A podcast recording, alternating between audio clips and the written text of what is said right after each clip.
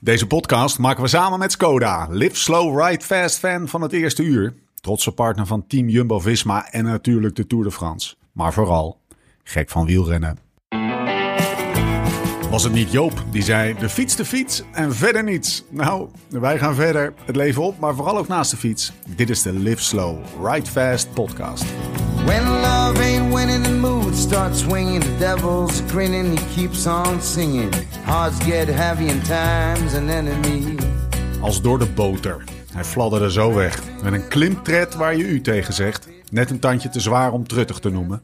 De perfecte combinatie van stamp en souplesse. Smal en rank. Welbespraakt, vriendelijk, innemend. Sepp Koes. Zijn mooiste dag op de fiets ooit, zo vertelde hij ons vorige maand, was niet zijn overwinning in de Vuelta van 2019. Of die grandioze rit over Col de la Loze vorig jaar. Het was een dag alleen in Colorado op zijn mountainbike. Met zijn vader Dolf Koes, een lokale outdoor legend, als supporter. Een rit door het onherbergzame gebied van de Rocky Mountains. Hij doet dat soort dingen altijd alleen, vertelde hij. Dat werkt het best. Omdat hij soms wat cranky wordt als hij honger krijgt. En dan is het maar beter als er niemand in de buurt is. Geloven we niks van Seb. Zijn vader vertelde ons dat Seb, zijn jongste van vijf zonen, altijd een speciale is geweest.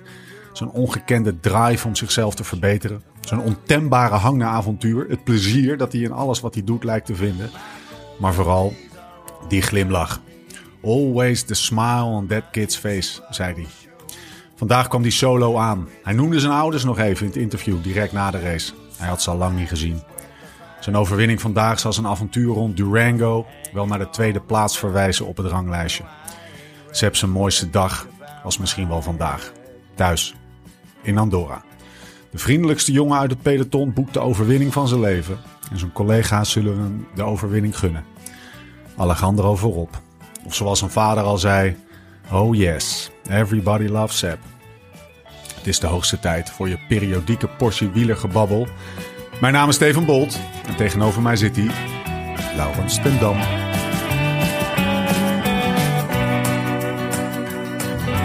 Lau, Ja, lekkere gozer hè, die Seb Koes.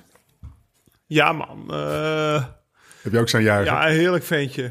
Eh, ja, zeker, zeker. Ja, het, eh, het was, ik had het niet meteen verwacht hoor, moet ik eerlijk zeggen. Want tot nu toe reed hij nog niet zo'n denderende tour. Nee.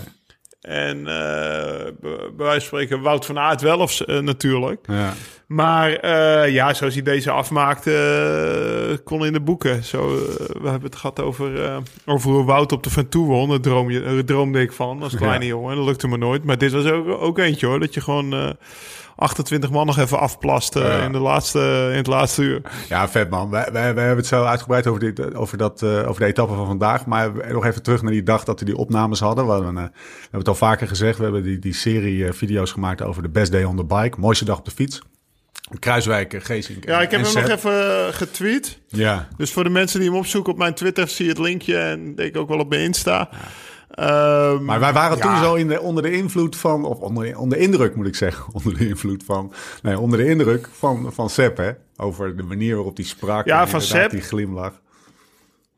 Nou, Sepp was ook de enige van, eh, van alle, alle jongens die, we, die we die vraag stelden. Wat is de mooiste dag op de fiets? Want zo, eh, het was eigenlijk geen interview. Volgens mij was de, is dat de enige vraag die we hebben gesteld. Ja. En dan komt er een verhaal. Ehm, was de enige die over een trainingsrit begon. Of eigenlijk een avontuur. Een avonturenrit. Dus, eh, terwijl de andere jongens hadden het eh, vooral over, over een mooie koers die ze wonnen. Of, eh, of, een, of dan niet een koers die ze niet wonnen. Want Steve, die had eh, Steve, Steven Kruiswijk moet ik zeggen. Die had het over, eh, over die rit naar Alpe d'Huez. Dat hij zo lang eh, hard voorop reed en, en vlak voor de meet werd teruggepakt.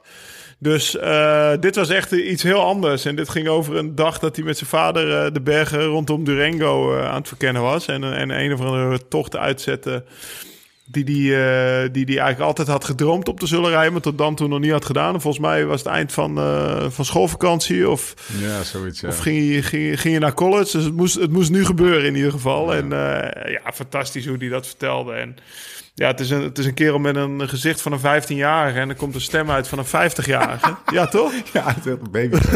ja, pretty boy. Dus dat, eh, dat, dat- de eerste, eerste woorden verwacht je dat eigenlijk niet, toch? Als je hem ziet, eh, zeg maar, met zijn babyface, dat er zo'n zware stem uitkomt. Dus eh, nee, ik vond het eh, genieten dat hij won vandaag. Nou, ik, heb, ik heb het filmpje naar Jonne gestuurd. Die had het nog niet gezien. Die zei, holy fuck, vet. Dus die, eh, die edit hem, eh, ja, audio only dan. Eh, het beeld, als je het beeld wil zien, moet je maar even naar YouTube gaan. Als, als toetje. Als, als toetje, dus blijf vooral even hangen. Hey, ben je al ingepakt, gozer? Of ben je aan het Ehm, uitstellen? Ja, ja. Nee, nee, nee. Ja, ik heb de hele tijd uitgesteld. Maar het is nu kwart over negen. Eh, er is een eh, EK-finale bezig. Eh daar zou ik graag het tweede helftje toch nog even mee willen pakken. Dus als ik nu nog aan het uitstellen ben, is het geen goede zaak. Maar de kinderen zijn het wel een beetje aan het uitstellen. Weet je nog dat ik ziek was in de Ja. Ventourrit? Ja, ja, want en een slecht weekje gehad. En toen kwam ik donderdag thuis. En toen heb ik ongeveer eh, 20 uur geslapen. Of, of, in 24 uur. En toen, eh, toen ging natuurlijk iedereen zeggen van... nou ja, Lau is moe en overwerkt en dat soort dingen. Maar vandaag heeft Jens eh, ook die 20 uurtjes gepakt. Dus ik kan gewoon weer de ziekte de schuld geven. Maar zou, zou het nou niet zo zijn dat je misschien een beetje... Dat, dat dit... Jens ook overwerkt is. Nee, Die gast is 9. gozer, dat jij... Nou, hij traint vrij veel. Dat jij, dat dit het... eh, je hebt de aanleiding en de oorzaak, hè? En de, de, de, zeg maar, de aanleiding was een virusje, maar was de oorzaak ook niet even dat je lichaam zei, gast... Ga eens eventjes een beetje... Oh nee, slapen, dat, eh, ja, ja, misschien wel. Maar dat, dat was dan bij Jens ook zo, zeg maar twee dagen later. En bij Hossel ook nog een, een paar dagen eerder.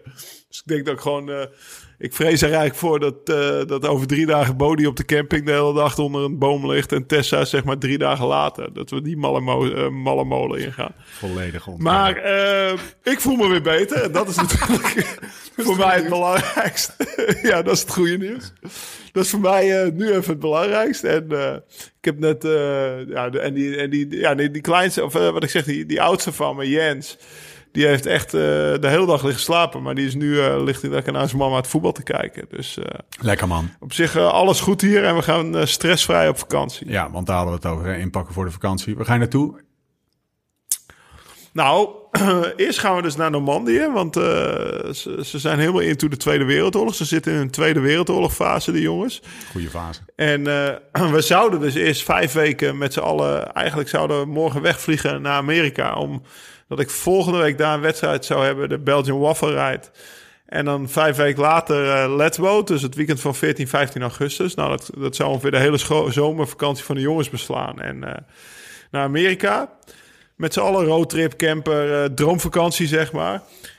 Oude vrienden opzoeken. Alleen ik zeg heel tijd zou, want ja, we komen Amerika nog steeds niet in als Europeanen. En ik denk met tempo waarin de besmettingen doorgaan in Nederland... komen we binnenkort helemaal nergens meer in. Maar Amerika zit er in ieder geval nog niet in. Dus we hebben de, de plannen om moeten gooien. En nu gaan we drie weken naar Frankrijk. En daarna ga ik eh, alleen nog twee weken die koersen rijden. Eh, die laatste twee koersen. En skip ik de eerste wedstrijd. Nou ja, er zijn de kinderen die zijn helemaal into de Tweede Wereldoorlog. Ik weet alles inmiddels over Sherman tanks en, eh, en, al de, en wat al de, dies meer zeg maar. Ze hebben hier een boek. En ze hebben maar beloofd om naar de Mandië te rijden. Wel vet. dus eh, dus ik, eh, ik sta overmorgen, sta ik zeg maar... eh, ik hoop wel dat we 's ochtends die musea doen. Dat ik 's middags de tour nog een beetje kan kijken. Maar dan sta ik, eh, dan weet ik alles van D-Day en, eh, en de landing. En, eh, en eh, dan sta ik naar die kerk van St. Mary Lees te kijken waar die presidist aan hing, Ja. zeg maar. Ja, mooi. Vet man. Nou, en daarna meer naar het zuiden, hè? want je wilde die tijdrit al meepakken, toch? Ja, ja, ja. Ik, heb, eh, ik, ik wil toch een beetje cultuur bijbrengen. En eh, ik denk dat ik zo oud als Jens was dat ik voor het eerst de Tour zag. Eh, echt, zeg maar. Of in ieder geval wat ik me herinner. Misschien was ik een jaartje ouder. Maar toen heb ik al mijn ouders echt kapot gezeurd om dat, dat te mogen zien. Dus ik, eh, ik ga stiekem ergens bij de tijdrit staan. Zoals ik het vroeger altijd wilde. Dan reed ik in de eerste week. En ik reed altijd in de bergen ook natuurlijk. En dan zag je al die Nederlanders en heel veel mensen. Maar dat was altijd zo druk. En toen dacht ik, ik dacht dat bij mezelf, volgens mij is het veel leuker met je kinderen om in de eerste week ergens gewoon in een berm te gaan staan, barbecue op. De mensen, of de, de koers komt langs, je, je hebt die reclamekaravaan gezien en je kan weer op je gemakje naar huis eh, of eh, 100 meter naar de auto lopen om, om naar huis te rijden. In plaats van dat je, nou ja, drie uur een berg af moet wandelen, zeg maar. Kinderen, kinderen Dus ik hoop dat ik van dat in de tijd kan vinden. Ja, precies. Stokbrood. Rosé. Of Rosé uh, in zo'n- Chardonnay in zo'n- moest zo'n- drinken. in zo'n pak, hè? Hé, Lau, Rosé in Ja, ja, ja, ja, ja. En vrienden maken met je knoflook stinkende eh, etende buren, zeg maar. Ja, toch? Ook zo We hebben haar, een dikke alles. buik dat je zegt, weer ook iets uit mijn pak? Ja, dan heb je meteen vrienden. Gouloise rokende Fransman. Ik- Dat, dat lijkt me echt, dat is echt mijn droom, zeg maar, op dat zaterdag. Mooi, eh, mooi. Daar, en dan, ja, de tijdrit, daar kun ik, kan je ze natuurlijk één voor één mooi langs zien komen. Dus dat is nog leuker en ook minder gevaarlijk. Want ja, ik heb, ik heb wel weer veel publiek zien staan langs de kant. Dat ik denk van, oeh, dat... eh, ook toen wij in die auto zaten, toch, woensdag met de Vertoer. Dat je denkt, oh, ga toch niet in die buitenbocht staan. En eh, ik heb altijd Zo. gezegd, ze mogen voor mij eh, eh, alleen tijdens de Tour op het dak van de auto staan. Omdat je dan eh, geen rennen tegen je aan kan krijgen. Ja. En eh, nou ja, met een tijdrit... met een tijdrit moet dat, eh, moet dat wel lukken. Oh, Eh, wonder- veilig. Wonder dat er niet meer eh, dingen gebeuren. Oké, dus je bij de tijdrit. Mooi. Centimillion. Mooi bruggetje. Naar, wat drinken we? Nou, eerlijkheidshalve, wat drink jij? Ik heb hier een pijpje Heineken voor me staan. Nou, ik, ik drink nu niks meer. Want ik ben, ik ben naar, de, naar de woonkamer verbannen. Want we hadden internet-issues. En vandaag even zitten we dus even apart. Ja, we zitten even apart vanwege de impactstress. Maar volgens mij hadden we beter naar elkaar toe kunnen rijden. Want dan, Ja, ja. eh, dan was er minder stress geweest. maar eh, ja, de kinderen zitten dus in de mancave voetbal te kijken. En, eh, en ik, ik zit nu in de woonkamer met helemaal niks. Net had ik me goed voorzien van, van de Traeger whisky. Ja, ja. Die, nog, die ik nog op mijn drankenkast zag staan. Want het was al na het eten, dus mijn wijn was op. Ik denk, nou, dan maar een koffietje met, met, met een neut. En jij zat aan een pijpje Heineken. Een zoals, pijpje eh, Heineken.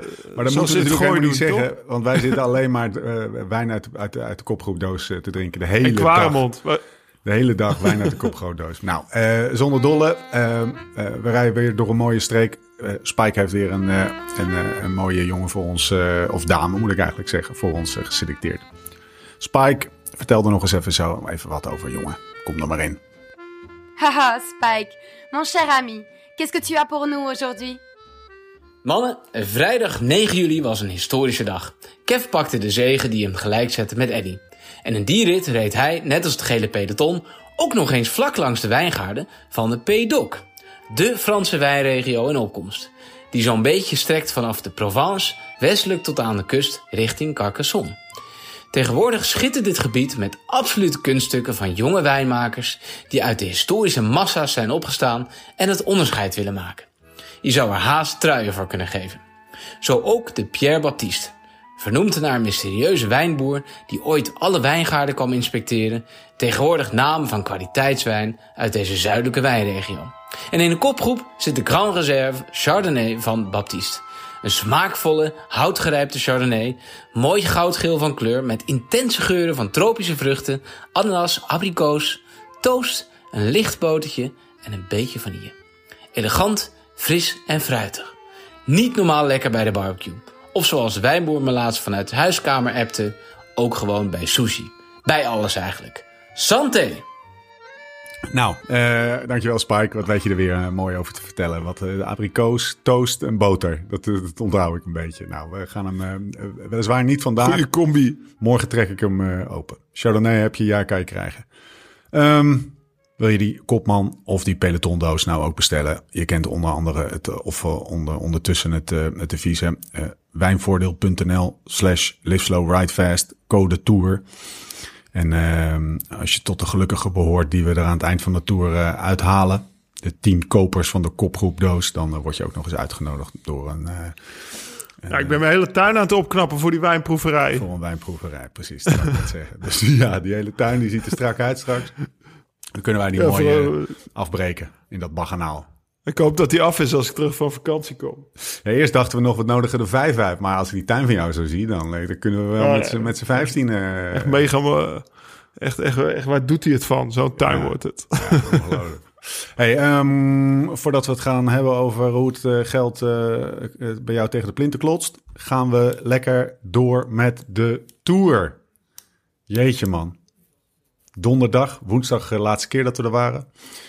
Dan hebben we donderdag de rit naar, eh naar Nîmes gehad.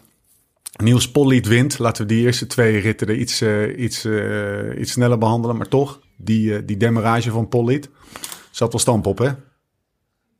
Ja, zeker. Niet normaal, joh. Jo. Dus Ja, nou ja, gewoon zoals hij wegreed. En dan, het is natuurlijk niet echt een renner waarvan je zegt... nou, die gaat dus even een rit winnen in de Tour. Maar ook, ook hij wint dus een rit. Want vroeger was het natuurlijk... Of eh, natuurlijk, vroeger werd... we- Weet je nog wat we in de Giro over hadden? Dat vroeger... Kijk, als je, als je een rit in de Tour won... eh, zeg maar in mijn tijd, weet ik nog wel... dan, dan reed je opeens tegen, tegen Fouclair. eh, won dan veel ritten. En, en, en eh, Pierre Roland. Dat waren ook mannen die hadden allemaal bij de eerste vijf gereden. Ja. En dat werden dan rittenkamer. Een beetje... Beetje Jean Mollema, zeg maar. Ja. Hè? Ja. van een dag later. Dat je denkt van ja, oké, eh, dat Dat is was toch een ander, paar mouwen. Ja, en dan, Ja, een ander paar mouwen. Ja. ja. Maar ja, maar nu, eh, ja, Niels Polly, dat is een beetje... eh, ik, weet, ik kan me nog heel goed herinneren dat Servs Knaaf ook een toerrit won toen klein was. En die heeft natuurlijk ook Roubaix gewonnen. Dat is natuurlijk een supergoeie renner. En, en, en Rob Harmeling won een rit. En hè, dat ook de... net- en, en in de Giro waren het een stuk of vier, vijf. eh, waaronder Taco, die opeens een ritten wonnen. Die debutant ook in een grote ronde. Dus ik vond het wel tof dat een outsider... Ik, ik denk dat niet veel mensen van tevoren hadden gezegd van... Nou, Niels Pollitt wint even een, wint even een rit. En, en de mannen die gisteren en vandaag wonnen, had ik toch wel even opgeschreven. Ja. Het was in de Tour wel echt bal, hè? Van de, voor, of in de Giro, sorry. De, de- Ja. Qua outsiders. Dus hier iets minder, maar... maar Dit was er weer eentje. Dit was er weer eentje. Dit, eh, dit was eentje die zeg maar... eh, de honderd man die de, in het peloton die denken dat ze geen rit kunnen winnen... Ja, toch weer doet dromen van... Ah ja, misschien, eh, misschien lukt het toch wel. Volgens mij ook pas de tweede profoverwinning. Hey, ehm, dan kregen we vrijdag de rit naar Carcassonne. 220 kilometer vlak. Ja, hij doet het, hè? Kev. Ja, kijk, waar ze een dag eerder eigenlijk een beetje...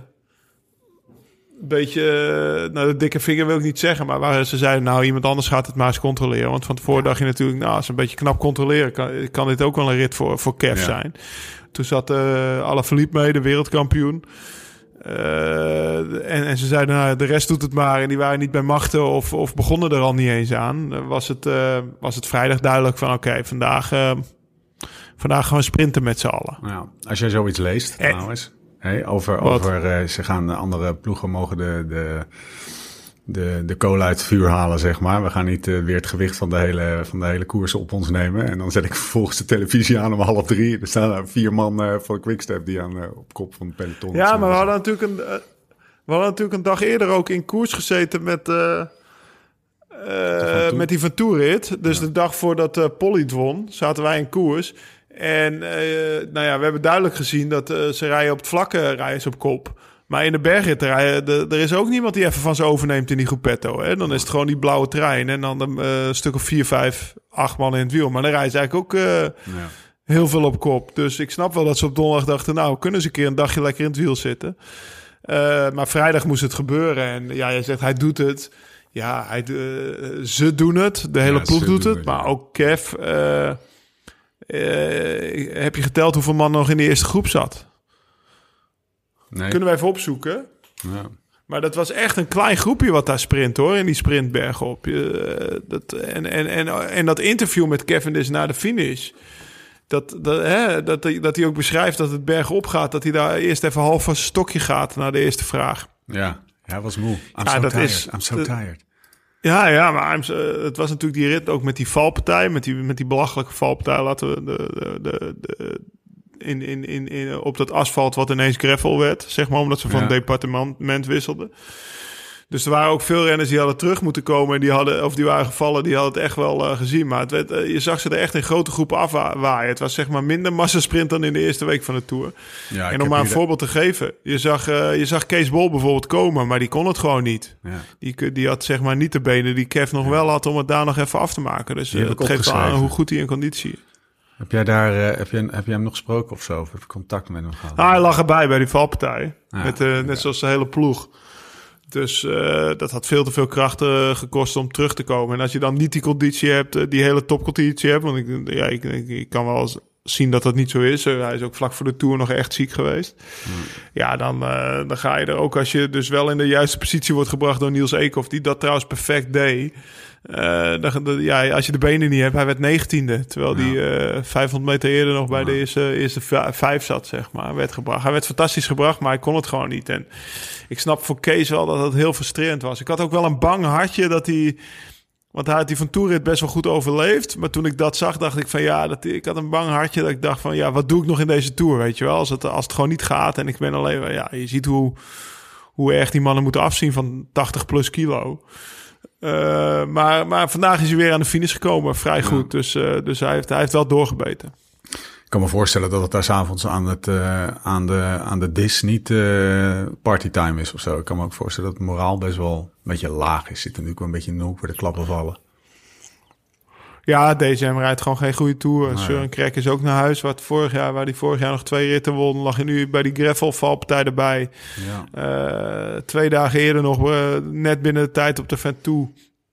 Ja, door ja, niet dat is natuurlijk ook een domper dat zo'n jongen naar huis gaat. En, en zoals ik Søren Krak andersom ken, als het niet lekker gaat. Het is normaal niet de gezelligste jongen, maar als het niet lekker gaat, dan, uh, dan heeft hij ook heel veel zelfmedelijden, laat ik het zo zeggen. Ja.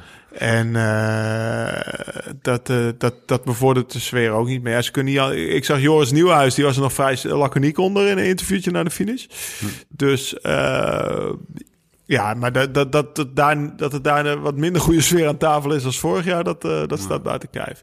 Maar. Kees kennen, dan gaat hij wel blijven proberen en blijft hij geloven in het proces. En ja, je kan alleen maar goed blijven proberen te doen wat je kan controleren. En je benen kan je niet controleren. Maar hij zat er wel in, positie, in een positie om een goede uitslag te rijden. Alleen hij kon het niet. Maar dat dat gelukt is, dat hij zo van zover terugkwam in de finale, dat is, dat is al wel iets waar je aan vast kan houden. Dat soort dingen probeer je dan maar aan vast te houden. Ja. Hey, en uh, meneer Lefevre, die, die mag wel stevig bonus nu. Ik hoop dat hij zijn checkboekje bij zich heeft deze, deze tour. Ja, want uh, voor de mensen die het niet weten, Kev die rijdt op een heel klein contractje. Ja. Volgens mij krijgt hij een bonus per week dat hij uitrijdt in de Tour. Dus oh, hij heeft er nu al twee uitgereden. Ja, en per rit die hij wint. Nou, voor het ja. groen staat er niet eens een bonus in. Want, uh, want daar, daar hebben ze bij het, daar dacht Kev niet eens aan bij het beginnen van de Tour dat hij ooit in het groen zou rijden. Dus daar zal hij zichzelf nog een keer achter de oren krabben. Maar uh, ja, hij krijgt dus betaald per rit die hij wint. Nou, hij heeft er vier. Maar volgens Patrick uh, was de CEO nog niet gaan klagen dat budget op was. Dus uh, CFO, kan, ja. Hij nog wel een, ja, ja. kan hij er nog wel een... ja, wat is een CFO trouwens? Want... Chief Financial Officer. Dus een beetje de, okay. de, de, financiële man had nog niet aan de bel getrokken. Oké, oké, okay, ja.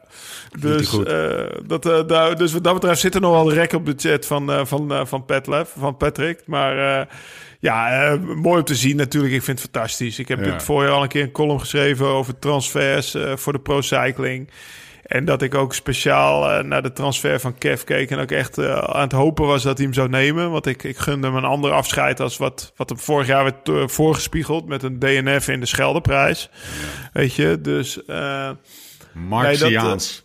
Nee, dat, ja. Marxiaans. Marxiaans. En dat, hij, dat hij zo terugkomt is toch eigenlijk een fairy tale. Ja, ja, toch? Ja, dat die, ja, dit is toch eigenlijk een. Uh, hij, zou je toch een Shaki en een wondersloffen van schrijven, zeg maar. Uh, hij is het wel. Uh, hij laat het zich allemaal lekker welgevallen. Hè? Met dat beteuterde koppie en heel humble. En oh, ik ben zo moe. Met, het, hij hij deed nog een mooie uitspraak over Vos. Jou, ja, dat, ja hij, is, hij is echt. Ja, namelijk dat ze de, de, de GOAT. En uh, hoe, ja, ja, in, dat ze... hoe impressive haar 30 overwinningen waren. En hoe, wat, een, wat een voorbeeld het ook is voor zijn dochter. Althans, hij hoopt dat zijn ja. dochter er een voorbeeld aan neemt. En zo. Ja, inspirerend. Maar hij pakt zijn, hij geniet van de persmomentjes. Dat is een beetje, was een beetje mijn punt. Ja, nee, zeker. Hij heeft drie jaar uh, ben alleen maar afgezeken. Dus ik snap ook ja. wel dat hij, uh, dat hij even achterover gaat liggen en... Uh, zijn badjes aantrekt en zegt: Kom maar, kom maar, kom maar. Weet je? Ja, toch? Ja. Ik ga vast in uh, ja, een bed liggen. Jullie mogen om, om het bed heen zitten, net als vroeger. Ja. Schitterend. Oké, okay, uh, tot zover. Ja, dat, uh, trouwens, dat was vroeger, hè? Toen kwam ja. de pers nog gewoon op je kamer. Welke foto is dat ook alweer? Dat je, ja, dat je ja, acht journalisten om het Le Monde of zo? Dan lag je gewoon in je hemd en je onderbroek en dan, uh, dan zaten de journalisten met z'n allen op je bed. Dan was jij een sigaretje aan het roken, bewijs van. Gaston en uh, Ja. Hey, uh, we gaan door, want er is, uh, verdomme man, er is veel gebeurd. We hadden, uh, ja, zaterdag 184 kilometer naar Quilan. Een ja. Bauke Mollema-etappe gewonnen door... Bauke Mollema. Bauke Mollema. Ja, Leg eens uit. Toch. Leg eens uit, Lau. Hoe, hoe, want het is nou, want hij had Lombardije, hij had die... Andere toerrit die hij al heeft gewonnen. Wanneer was het ook weer? Ja, hij heeft San Sebastian een keer zo gewonnen. San Sebastian, La Guela. La Guelia moet ik zeggen. Ja, Wat- volgens mij won die gewoon met, eh, met een late aanval, hè? Op een kilometertje voor de meet. In Maar was het ook weer niet een klim vlak voor het eind en dan eh, afdaling naar de meet toe? Nou ja, in ieder geval, er, er voltrekt zich een soort Bauke Mollema-achtige... Nou ja, kijk, waar, waar hij nu patent op heeft, is gewoon dat hij niet bang is om van ver te gaan, weet je. Ja. Dus eh, hij is niet bang om het zichzelf moeilijk te maken. Hè, de- eh, en eh, hij gaat op een moment dat eigenlijk iedereen denkt van dit is nog niet het moment om te gaan. Ja. En nou ja, hij ging nu op 43 kilometer voor de meet. Je ziet een auto van Astana die, die net die Astana-rennen bevoorraadt. De meeste mensen eten een jelletje, drinken nog een bidonnetje, denken nou het is nog een uur koers, weet je wel. Ik ga even mijn laatste spullen. En daar is hij opeens weg. En als je dan vijf, eh, en je ziet volgens mij de enige die reageert, die het door heeft, is zijn buurman, eh, Wout Poels. Die, eh, die gaat van kop af eigenlijk achter hem aan, maar dan heeft hij al 100 meter. Dus doordat hij gaat op een moment waarvan iedereen dat- denkt dat niet het moment is, denkt hij juist, dit is het moment. Denk je dat dat, wat- dat, dat, Lau, dat het bij hem bewust is of, of ja, zeker. instinctief? 100%. Nee, nee, nee. Nou, kijk, hij heeft het gewoon, eh, hij heeft het een paar jaar terug uitgevonden. Ik denk eh, zo rond die eerste toer die hij won in 2017. En sindsdien is hij zich gewoon heel goed bewust van eh, hoe vroeger je gaat met een grote groep achter je, waarvan iedereen naar elkaar kijkt, waar de verschillende belangen zijn. die niet voor elkaar zeg maar de kastanjes uit het vuur willen halen. Gevoegd bij zijn kwaliteit dat hij gewoon knijterhard kan verklimmen. Knijterhard op het vlakke kan rijden. Het is geen Kenny Alex- Elizondo natuurlijk. Hij is geen 50 kilo, maar hij is gewoon eh, 70 kilo. Dus eh, hij kan ook gewoon goede tijdritten rijden als hij zich er echt op toelegt. Plus goed kan dalen. Ja, waar ga je het op hem dichtrijden? Hè? Je kan misschien op een klimmetje zoals je gisteren zag... eh race op het klimmetje 20 seconden dicht. Maar ja, dan moet je nog een minuut dichtrijden in de afdaling die volgt. Nou, dan ga je op hem niet dichtrijden. En op het vlakke ga je dat ook zo. eh, Bovenop de klim wist hij al van, nou, het is nog 15 kilometer, ik heb een minuut. Dit gaan ze niet, dit is, dit is, dit is binnen, zeg maar. Dus zijn, kwali- zijn grootste kwaliteit is natuurlijk dat hij heel lang heel hard kan fietsen. Hij rijdt 43 gemiddeld, over 43,7 gemiddeld. Over de laatste 40 kilometer op een gewone fiets. Zonder, Ja. met, eh, zonder fietscomputer met wit stuurlint. Ja, precies. Oldschool, eh, meer oldschool krijg je niet. Maar gaan wij eens 43,7 gemiddeld rijden over. Met ook echt een steile klimmer nog in. Dat was die klim met die, eh, hoe noemde je dat nou? De slakken uh, Die escargot via, dat escargot viaduct. Ja. Maar dat heet echt De- zo, hè? Ja, ja, ja, zeker. Dat zag ik. Dat was eh, nou ja, een prachtig viaduct. eh, ja, dat, wat over elkaar heen kronkelde, Ja. zeg maar, toch? Ik heb het gezien. eh, maar da- zijn kwaliteit is dus gewoon dat hij knijterhard kan rijden. En dat hij niet bang is om van ver te gaan. Dus hij doet zichzelf wel gewoon een uur lang echt pijn. En eh, dat, hij, dat hij vaak een onverwacht moment uitzoekt. En dat is toevallig vaak nu... eh, ja, die twee toerritten kon je naast elkaar plakken. Dat was Ja. steeds in een afdaling met wat bochtjes... dat hij snel uit zicht was. Ja, en zijn grote geheim is dan zijn voorbereiding. Eh, die gozer die, eh, die zit, eh, want ik dacht ook altijd wel van, weet je, die gozer zit de hele dag in zijn boeken. Hè, in, maar ik heb ook met hem op de kamer gelegen.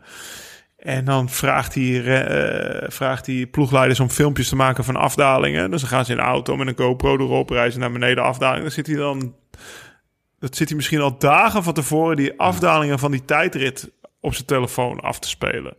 Echt, hij weet bijna van iedereen en denkt tot op de minuut eh, op hoeveel ze in het klassement staan. Hè, en wie, serieus? waar, waar de belang, belangen zijn. Het rondeboek, dat kent hij echt. Ja, dat kent hij echt tot in de puntjes. Ook, eh, ik zal nooit vergeten, eerstejaars, weet je wel. En dan eh, kom je daar in een, in een ronde zonder tijdrit. En dan meteen het eerste wat hij vraagt, zijn er bonies? Weet je wel, dat hij denkt, als ik ergens één seconde pak, sta ik bij de eerste tien. Ook als we continu bij elkaar finishen, is dat niet zo. Dan zit hij opeens iedere massasprint bij de eerste 15. Want dan worden de punten opgeteld voor het klassement. Zo reed hij altijd zijn klassementjes bij de eerste 10. We hebben wel eens een ronde van Catalonië gereden. Dat volgens mij de nummer 7 tot en met 12 in dezelfde tijd stond. Maar wie werd de zevende? Bauke Mollema. Omdat hij alle massasprints bij de eerste gesprint had. Weet je wel. Dus zo'n uitgenaste renner is het. En eh, ja, dat is gewoon op en tof puur professionalisme. En eh, hij trekt zich van niemand wat aan. Maar op zijn eigen manier doet hij echt wel eh, hele mooie dingen. Het was alweer drie jaar geleden dat Trek eh Segafredo een etappe won in de Tour. Hè? Weet je nog welke? Stoffig dagje. Eh, Ik moest er nee, echt moet over nadenken. Ja, moet je me, Degenkop, is het, die Roubaix. ja, Robert, ik wou zeggen, toen je zei Zo lang al, joh. Ja, maar eh, kan je nagaan wat voor renners ze bij Trek hebben en hoe tevreden ze met die jongens zijn? Die jongen die Ja. woont dus eh, in Monaco, die hoor je niet. Die rijdt nu al zijn 60ste koersdag. Die heeft de Giro en de Tour gereden. Maar ook niet dat hij zegt, nou doe dan het voorjaar maar niet. Want daarvoor rijdt hij tot en met Baskeland alles. Eh, daarna gaat hij trainen voor de klassiekers. Of eh, dan rijdt hij nog wat... Of nee, niet tot en met Baskeland alles. Maar volgens mij tot en met eh, de week voor Parijs-Nice alles. Daarna Baskeland en de klassiekers. Daarna gaat hij naar de Giro. En eh, daarna naar de Tour. In de Giro zit hij ongeveer iedere dag mee. We deden een beetje wat... eh er komen we misschien nog wel op wat Alaphilippe nu doet. Ja. Eh, maar in het voorjaar wint hij ook al twee, drie koersen. En nu wint hij een rit in de Tour. En daar heb ik nog maar één jaar opgenoemd. Op, eh, het is ook niet zo dat hij op het eind van het jaar... dat hij op het eind van het jaar zeg maar de- met de petten naar gooit. Want Lombardije rijdt hij altijd goed. De week na de Tour San Sebastian.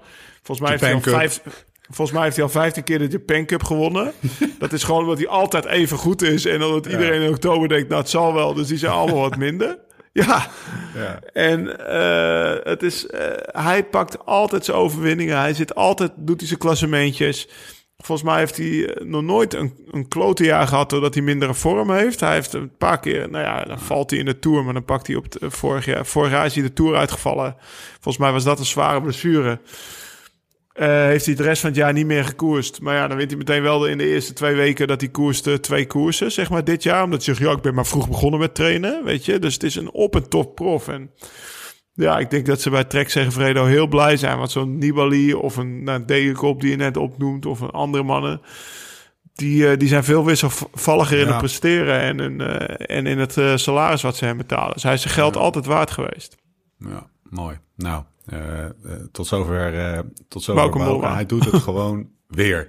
Rit van vandaag, Lau, naar Andorra. Ja, Wat een vreselijk oord is de Andorra. Even. Ja, hè? nou wonen, joh? Dat is een, Nou ja, dat is een, vrij- dat is een het- vliegveld. Dat is een vliegveld zonder toegangspoorten. ja, ja met, eh, met gratis... eh, of nou, gratis moet ik niet zeggen... maar grote sloffen tabak kan je daar kopen. En eh, de, diesel kost, eh, de diesel kost 90 cent. En, Maar toch eh, wonen er heel veel renners. Ja, nou ja, omdat het belastingvrij is. Hè? Of het nou Ja. belastingvrij weet ik niet, maar 8% of 10%. Ik weet eigenlijk niet precies hoe het zit. Maar, eh, vragen. Oh, kom nou, woont in Monaco. Ja, maar, dat die weet zal ik, maar inderdaad, maar die zal zeker weten hoeveel Die je... weet alles van de belasting, toch? Waarom Monaco voor hem beter is. nee, maar eh, ja, belastingvrij. En je kan er heel mooi bergop trainen. Want je hebt natuurlijk vandaag al de klimmen gezien. Dat, eh, dat is prima. Het weer weet ik eigenlijk niet. Volgens mij is het in de winter ook gewoon ruk. Maar eh, volgens mij is er ook iets van een regel dat omdat het in de winter drie maanden sneeuwt en je moet er per jaar moet je er minimaal 180 dagen zitten, tellen ze die drie maanden sneeuw niet mee, want dan kan je je beroep niet uitoefenen. Dus hoef je er nog maar 90 dagen te zitten of zo. En dat maakt Ja. natuurlijk wel aantrekkelijk Oh, om, eh, om in Monaco te wonen. Eh, maar er wonen volgens mij was Rodriguez de eerste die ermee begon. En toen kwam bijvoorbeeld ook, hoe heet die jongen, Steven Cummings. Een, eh, een. Engelsman die, eh, die nog een paar een toeren... eh, koffiewinkel ook? Was dat hij? Oh, dat, dat zou kunnen hoor. Koen de Kort heeft daar ook een Oh restaurant. ja, Koen de Kort ook, ja. Maar Steven Geesink woont er? Geesink woont er. Ja, dus inmiddels wonen 80, 90 man. Dus je dat hebt overal in Europa heb je een aantal clustertjes waar renners wonen. Het clustertje Lanaak is een beetje aan het, eh, aan het afclusteren, zeg maar. maar dat was vroeger een clustertje. Daarvoor had je nog een clustertje bij Bogert en Erik Dekker. Daar bij Turnhout in de buurt.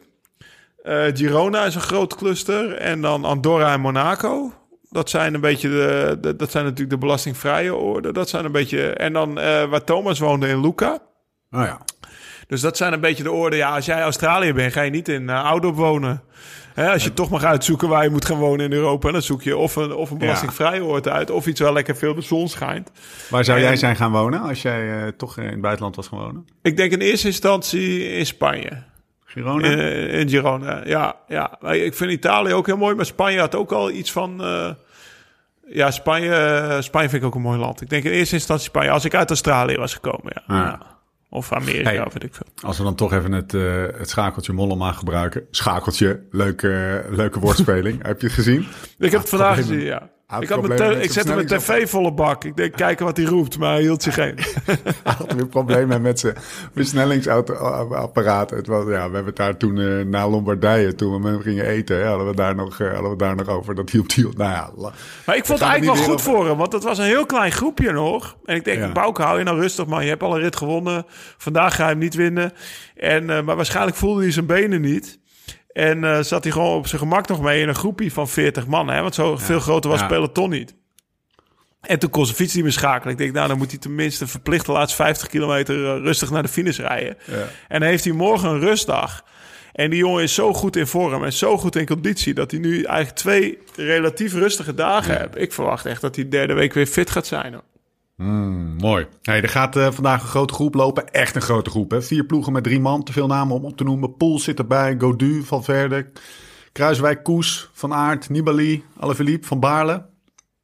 Ehm, wat ik me eerst... Ik, ik schakelde in en toen zag ik die, eh, de samenstelling van die grote groep. En toen zag ik Van Aert en Kruiswijk in die kopgroep. En, en, ik- en ik hoorde dat Vingegaard in zijn eentje zat. Zal dat bewust gegaan zijn? Of heb jij daar nog... Ja, Mike Teunissen zat erbij.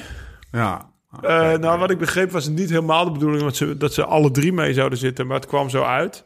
Maar ja, ik, ik, ik, maakte me niet zo heel druk. Ik zag dat de Denen op Twitter, die waren helemaal pislink op, op Jumbo. Oké. Eh, de Michael Rasmusses van deze wereld, zeg Ja, maar. ja, ja. Maar je kan maar Wat beter... nou ja, kijk, dat, ze, dat, dat, dat je de nummer twee of drie in het klassement alleen, alleen achterlaat... dat is natuurlijk een beetje... Nou ja, dat zei hij. Ja, dat het een risicovolle eh, ding was. Maar je kan maar beter geïsoleerd zitten... terwijl nog twee man voor je rijdt, of drie man... Ja. dan dat ze twintig minuten achter je rijden. Dus eh, dat, het is natuurlijk eh, vijf minuten wachten en ze rijden voor je. Je moet alleen echt geen probleem met je materiaal krijgen... hè, want dan, ze mogen niet omdraaien. Ja. nou ja, ze mogen niet omdraaien, zeg maar. Nee. Dus, eh, dus dan moet je echt iets uit de auto krijgen. Als die eh, van achter zit in zo'n afdaling, als die laatste afdaling, dan zitten ze wat verder van achter. Dan is het lastig. Dus, maar Mike zat er heel lang bij. En op een gegeven moment bovenop die lange klim zag je Stefan, eh, of Steven st- stilstaan tussen twee haakjes. Omdat, Ja. hij, eh, omdat hij gewoon zich bij eh, Jonas ging voegen. En hebben ze daar gewoon de keuze gemaakt. Oké, Steven, jij bent de minste van de drie. Of Wout, die gaat nog voor de punten zeg maar, van de bolletrui. Eh Sepp voelt zich super, die gaat voor de ritwinst. En jij gaat op Jonas wachten. Ja, dat is natuurlijk ook wel weer puur luxe als ploegleider... dat je zo kan schaken in een, in een, in een auto. Hè, dat is natuurlijk met Ja. pionnetjes. Dan lijkt het bijna echt PlayStation. Dus eh, ik vond het eigenlijk wel vet dat ze met z'n drieën mee zaten. Ik zag Kruiswijk zitten en het eerste wat ik deed was kijken of hij aerosokken aan had. Want hij zat En? wel de hele tijd voorin, hè? Ja, eh, ik heb opgeschreven... niet goed zien. Hij reed, eh, Kruiswijk, eh, heb jij vanaf het begin gekeken of niet? Ja, vanaf, ja, wat is het, eh, 140 van de meter of zo. Ja, ja, maar dan, dan, dan zat hij al. Want hij, hij, hij sprong. Hij is echt degene die zeg maar. van het meeste kilometer. Op een gegeven moment, als je dan die Pro Cycling Stats live tickers ziet, dan zie je. hij was degene die de meeste kilometers voor het peloton. Eh, had gereden van ook van de hele kopgroep. Wat betekent dat hij Ah, dus al in drie eerdere kopgroepen ook mee zat, zeg Ah, maar. Dus eh, hij, was echt, eh, hij was echt vanaf het begin echt hyperactief. En het was een Kruiswijk zoals in, in zijn oude dagen, schreef ik op. Maar eh, daarna heb ik er nog eh, boven gekakt, hele oude dagen. Dus dit was weer de... Hè, want in zijn oude dagen, nou ja, dan werd hij derde in de Tour. eh, nou ja, dat is nog niet zo heel oud. Maar zijn hele oude dagen, zoals ik hem kende als, als Neo... Als je hem zei eh, in een bergritje moet meezitten, dan, eh, dan, was, eh, dan, dan, dan zat hij mee. Dan hoefde hij zelf je kont geen één keer op te tillen. En dat was nu ook zo, dus... Het was, eh, het was duidelijk een Steven met, eh, met, met gigantisch veel moraal. Ik denk ook naar die Ventour-rit. Ja. Dat ze, dat, dat ze dachten, oké, we zijn toch heel goed met z'n allen. We hebben toch goed getraind op hoogte, weet je wel. We konden het, we konden het de eerste week ook wel, alleen zat tegen. En eh, ja, uiteindelijk is, heeft hij natuurlijk nog niet de benen waar hij waar die echt op hoogt, denk ik. Waar, waar hij echt op had gehoopt voor de Tour. Maar, eh, maar dit geeft toch wel een heel lekker gevoel. En ook als Sepp zo wint, dan eh, zal hij de derde week nog een paar keer mee zitten. Of in ieder geval belangrijk zijn voor Jonas. Zou Guillaume Martin zijn, eh, zijn Ja. shirt eh, in het vervolg gewoon lekker dicht houden? Ik zag het 100 meter naar de toppal. Dat ik, dus, was ik tegen Tesla aan het schelden. Want ik, ik heb best wel, ik vind het wel een mooi ventje. Toen hij voor Wanty reed, eh, zeg maar in 2016 of 17 in de Tour, ja. 17, toen heb ik hem nog wel een keer geholpen, de Galibier op. De reed hij altijd zeg maar voor een, voor een 18e plek in het klassement. En eh Ja. hielp Hilaire hem net zoals dat Hilaire nu Louis Mijntjes helpt, zeg maar. Dus heb ik ook wel Ja. een keer voor hem op kop gereden. Want we hebben, eh, ik zeg dat omdat we hebben Hilaire uh, Louis Mijntjes de, de Mont Ventoux op zien schreeuwen, zeg maar. Dus dan, dan, eh, dan rijdt er een auto achter en... eh, en die probeerde hem echt in het klassement te houden toen. Ja, en nu stond hij gewoon tweede. En eh, ja, ik vond het echt zo jammer. Want je zag gewoon, hij reed met zijn shirt open. Nou, we hebben de podcast met Thijs al gehad. Eh, hoeveel wat scheelt het? Minimaal 20. En je ziet gewoon dat op het moment dat hij zijn benen stilhoudt... verliest hij een paar metertjes, zeg maar. En dus in plaats van... Zo lullig. Ja, in plaats van lullig normaal, als je je benen stilhoudt... maar je zit gewoon goed in het zoggie... rij je eigenlijk naar het wiel toe. En hij reed eigenlijk van het wiel af. Of hij werd van het wiel afgereden. En ja, echt dat je denkt van... jongen, ik snap dat je helemaal naar de kloten zat op die klim... maar was even 100 meter voor de top... 30 meter rechtop gaan zitten, had, hij, had hem dichtgerit... Ja. en je had gewoon in die groep gezeten. Dus het was echt schrijnend om te zien. En eh, ja, het kost hem... Hij, hij komt op vier minuten binnen. Maar ik denk dat... dat ja, hij had het nog steeds verloren hoor. Maar het, het had twee minuten minder kunnen zijn. Want het heeft echt veel kracht gekost. Wat mij ook opviel in die nou. kopgroep was... eh, nou ja, ik weet niet wat voor pep talks ze bij FDG hadden gehad. Zo.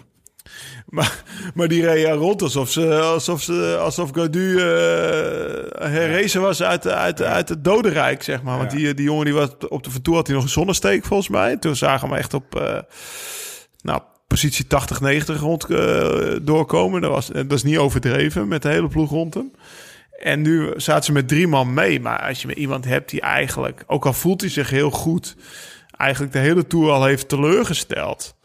Ja. dan zou ik gewoon mezelf een beetje met z'n drieën afzijdig proberen te houden. En dan een beetje meesnieken. Maar zij reden rond alsof ze alle verliep in de ploeg hadden, toch? Uiteindelijk zijn het allemaal nazaten van Napoleon, toch? Hij wordt zevende overigens eh, vandaag, 1-15 in dat, eh, in dat, eh, in dat groepje. Nou, hij reed niet Eh, slecht, maar ik had toch niet zo het eh, initiatief Nee. naar me toe getrokken. Nee. Dus eh, Het zijn trotse jongens. Maar ja, het zijn, ja, het zijn, nou ja, het zijn trotse jongens, maar ik had dat, eh, ik had dat niet gedaan zo. iets slimmer aangepakt. Ja. Hey, ehm, even kijken hoor. Eh, voordat we het over Seb gaan hebben. Die laatste klim. Die, die Bijksalis. Ja, het goed uitspreken. Yo, wat een vet ding hè. ja, ja hij, eh, ik, ik herinner me uit de Tour, die, die rit die, die Tom Dumoulin won. Ja, In die 2016 ben ik er overheen gereden. Oh ja. oké, Ja, ik heb dus het opgezocht. Ik heb het gegoogeld. eh, Ik denk, ik ben er een keer opgereden, maar ik weet niet wanneer. En waarschijnlijk ook één of twee keer in de ronde van Catalonië. Maar dat, dat kon je niet googlen. Maar die, die eh, om dan toch eventjes bruggetje naar uh, Sepp Koes te maken. Toen ik eh, die En- Envalira eh, klim zag, had ik echt het idee dat ik in de ronde van de Tour of Utah zat te kijken of zo. Ja, lekker, Zulke hè? Brede van Die brede- ik- ja, ja, vond ik heerlijk vroeger. Ik zat echt te genieten. Ik zei tegen Tess, geen- oh, geen dit, eh, ja, geen gevring, gewoon rijden, gewoon continu druk op je benen en de sterkste blijft over. Ja. Maar daarna kwam er inderdaad dat, eh, dat smalle baantje, eh, best wel stijl ook. Een steile, Zo. smalle slotklim.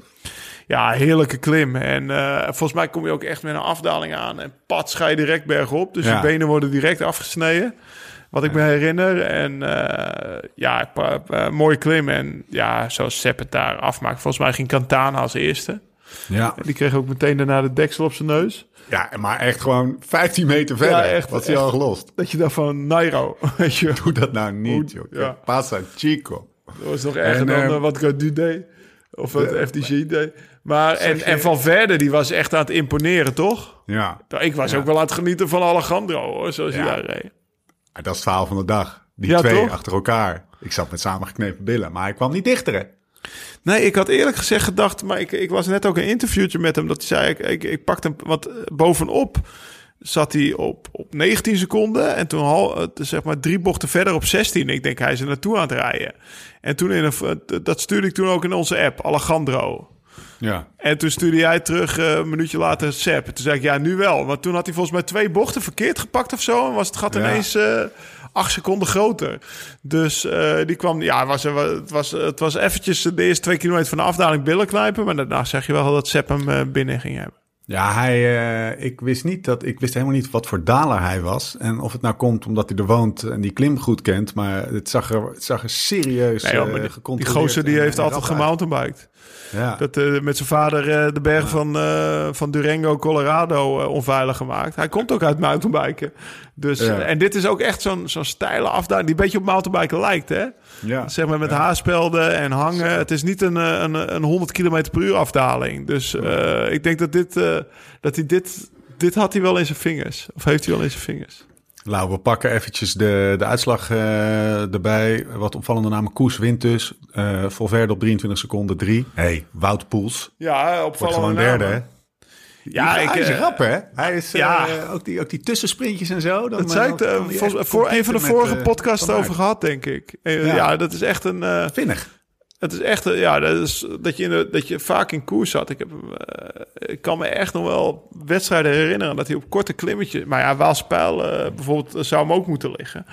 Maar dat hij op korte klimmetjes echt, echt knijt... Of, of op het laatst van een klim echt knijteruit wegrijdt. Dat je denkt, zit dat er nog in? En ook gewoon echt onnavolgbaar, hè? Maar daarom heeft hij ook zoveel koersen gewonnen, hè?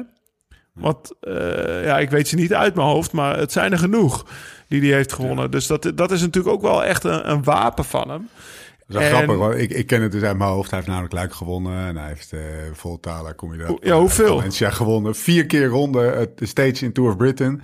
Ja, Hij heeft eh, in de Catalunya, Dauphiné, Tirreno, Parijs-Nice, eh, Baskeland, de Ronde van Polen. Jezus. ja hij heeft echt veel wedstrijden gewonnen in zijn leven.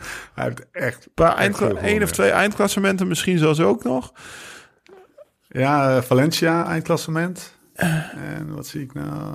Nee. Ja, ja, dus, dus echt 19, gewoon... eh, 19 wins. Ja, dus eh, hij heeft echt een wapen. En dat is dus die vinnigheid. Maar hij heeft ook een ander wapen. En dat is de derde week. Ja, ja. Want ik weet, maakt Chris Froome. zeg maar, zijn zwakte is vaak dat is de eerste bergrit. Is hij vaak echt niet goed, valt hij tegen. Heel wisselvallig ook in eendagskoersen. Dat je denkt, nou gaat hij even de Waalspijl oprollen en dan niet goed. En denk je, nou nu wordt het even helemaal niks en dan, eh, dan wint hij luik. Dus dat wisselval. Maar in de derde week bij Ineos was hij vaak sterker. In de jaren dat Chris Froome won, was hij vaak... eh, volgens mij heeft hij Froome Alpe d'Huez nog een keer opgereden. Daar die rit dat Bouke valt daar bij eh, in Chambéry heeft hij hem ook nog een keer gered. Eh, echt echt meerdere malen dat hij...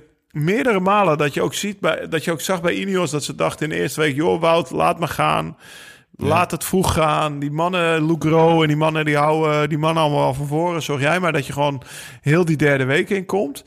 En dan was hij vaak eh, bijna zo dat je dacht van... nou, als, als Vroom nu goed genoeg is... kan hij hem ook eh Wout de rit gunnen. Want eh, hij is denk ik meerdere malen de sterkste klimmer geweest in de derde week. Dus eh, ja, nu die die trui om zijn schouders heeft... we praten over de bolle trui...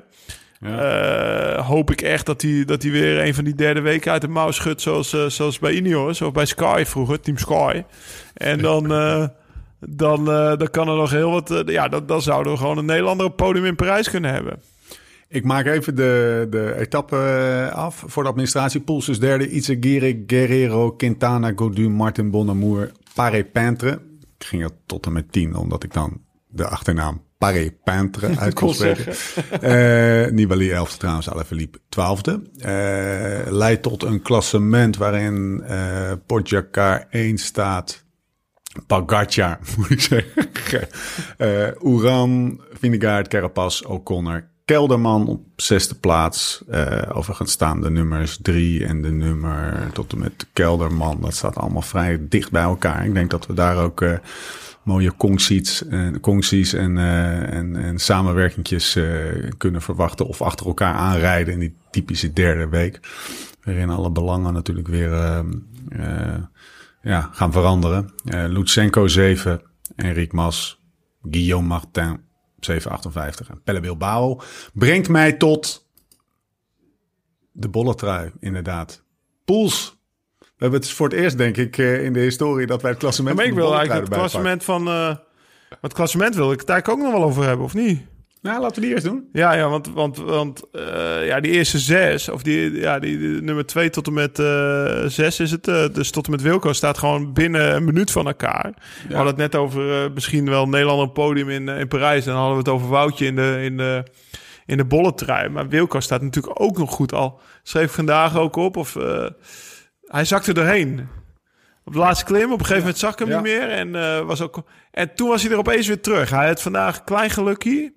Maar ja, zonder geluk vaart niemand wel dat, eh, dat, dat, Dat, dat ze... tempo omlaag gebracht. Ja. Ja, ze waren aan het pogeren. pokeren. Nou ja, eh, nou, Carapaz die bracht het tempo omhoog en toen gaf hij af. En Ja. toen trok Pogacar niet door. Die dacht, ja, hallo, als jij hard wil rijden, dan doe je dat lekker. Maar voor mij hoeft het niet zo hard.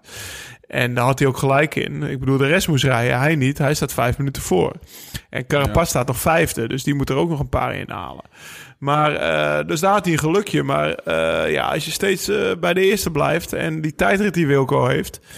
Dan, dan kan het zomaar zijn dat hij dat die, dat die ook Ritchie en nou, ik, ik zie die Ving, Vingegaard ook als een hele goede tijdrijder. Ja. En stiekem is Rigoberto Uran natuurlijk ook degene die in Zwitserland de tijdrit won. Dus ja, het kan alle kanten op daar. En eh, ik ben echt benieuwd hoe dat eh, uiteindelijk, eh, hoe dat uiteindelijk rolt, ook voor Wilco. De French fuck-up van de dag, want er moet er natuurlijk altijd eentje zijn in de Tour. Het blijft ook gewoon leuk om daar een beetje op te letten. Guillaume Martin, we zeggen fuck-up, maar dat is het natuurlijk niet echt. Ja, dat, Een mindere dag. Komt er gisteren heel snel in, gaat er vandaag weer heel snel uit. Zeven Beginnersfout. plaatsen gedaald. Ja. Ja, ja, hij had de podcast met Thijs moeten luisteren. Shirtje dicht doen. Ik heb jou ook nog gezegd, weet je, dat was naar aanleiding van, eh, volgens mij, over eerste, 40 dag, eerste dag van... Ja, ja, ik, ik had er even 20 wat bij. Jij bent, jij bent nogal gevoelig voor watjes. Dus eh, Stefan, die reed, die, die reed in transit, was hij helemaal naar de kloten. Die reed hij ook met zijn shirtje open. Ik zeg, als je die nou eerst dicht doet, scheelt 40 watt. Hè?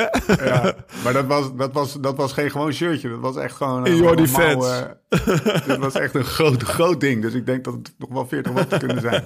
Shirtje dicht, mensen. Bovenop de kool, eh, shirtje Free dicht. speed. Als je, als je knijterhard Free naar wil rijden, eh, naar beneden wil rijden. Hè? Als jij gewoon eh, een beetje wil greffelen en een flappenshirtje aan wil, be my guest. Maar dan moet je niet met, eh wat ze rijdt 95 per uur, hè.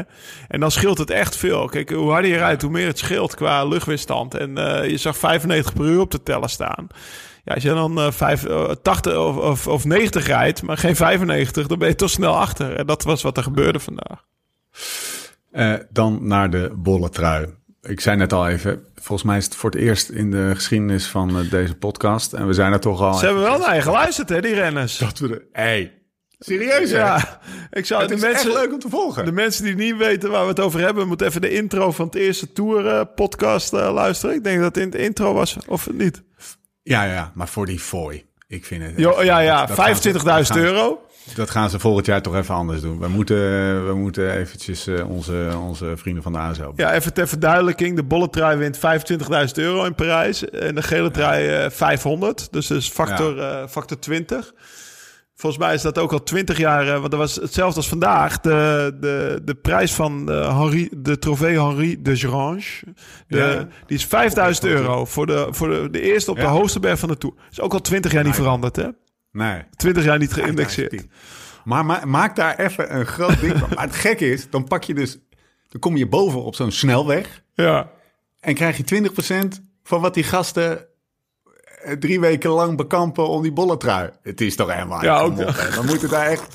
We moeten de CFO bellen, Lau. We Ja, moeten de CFO, de CFO. bellen. Maar toch eventjes die bolletrui en Wie het, het eh, het klassement. Pools, 74 punten.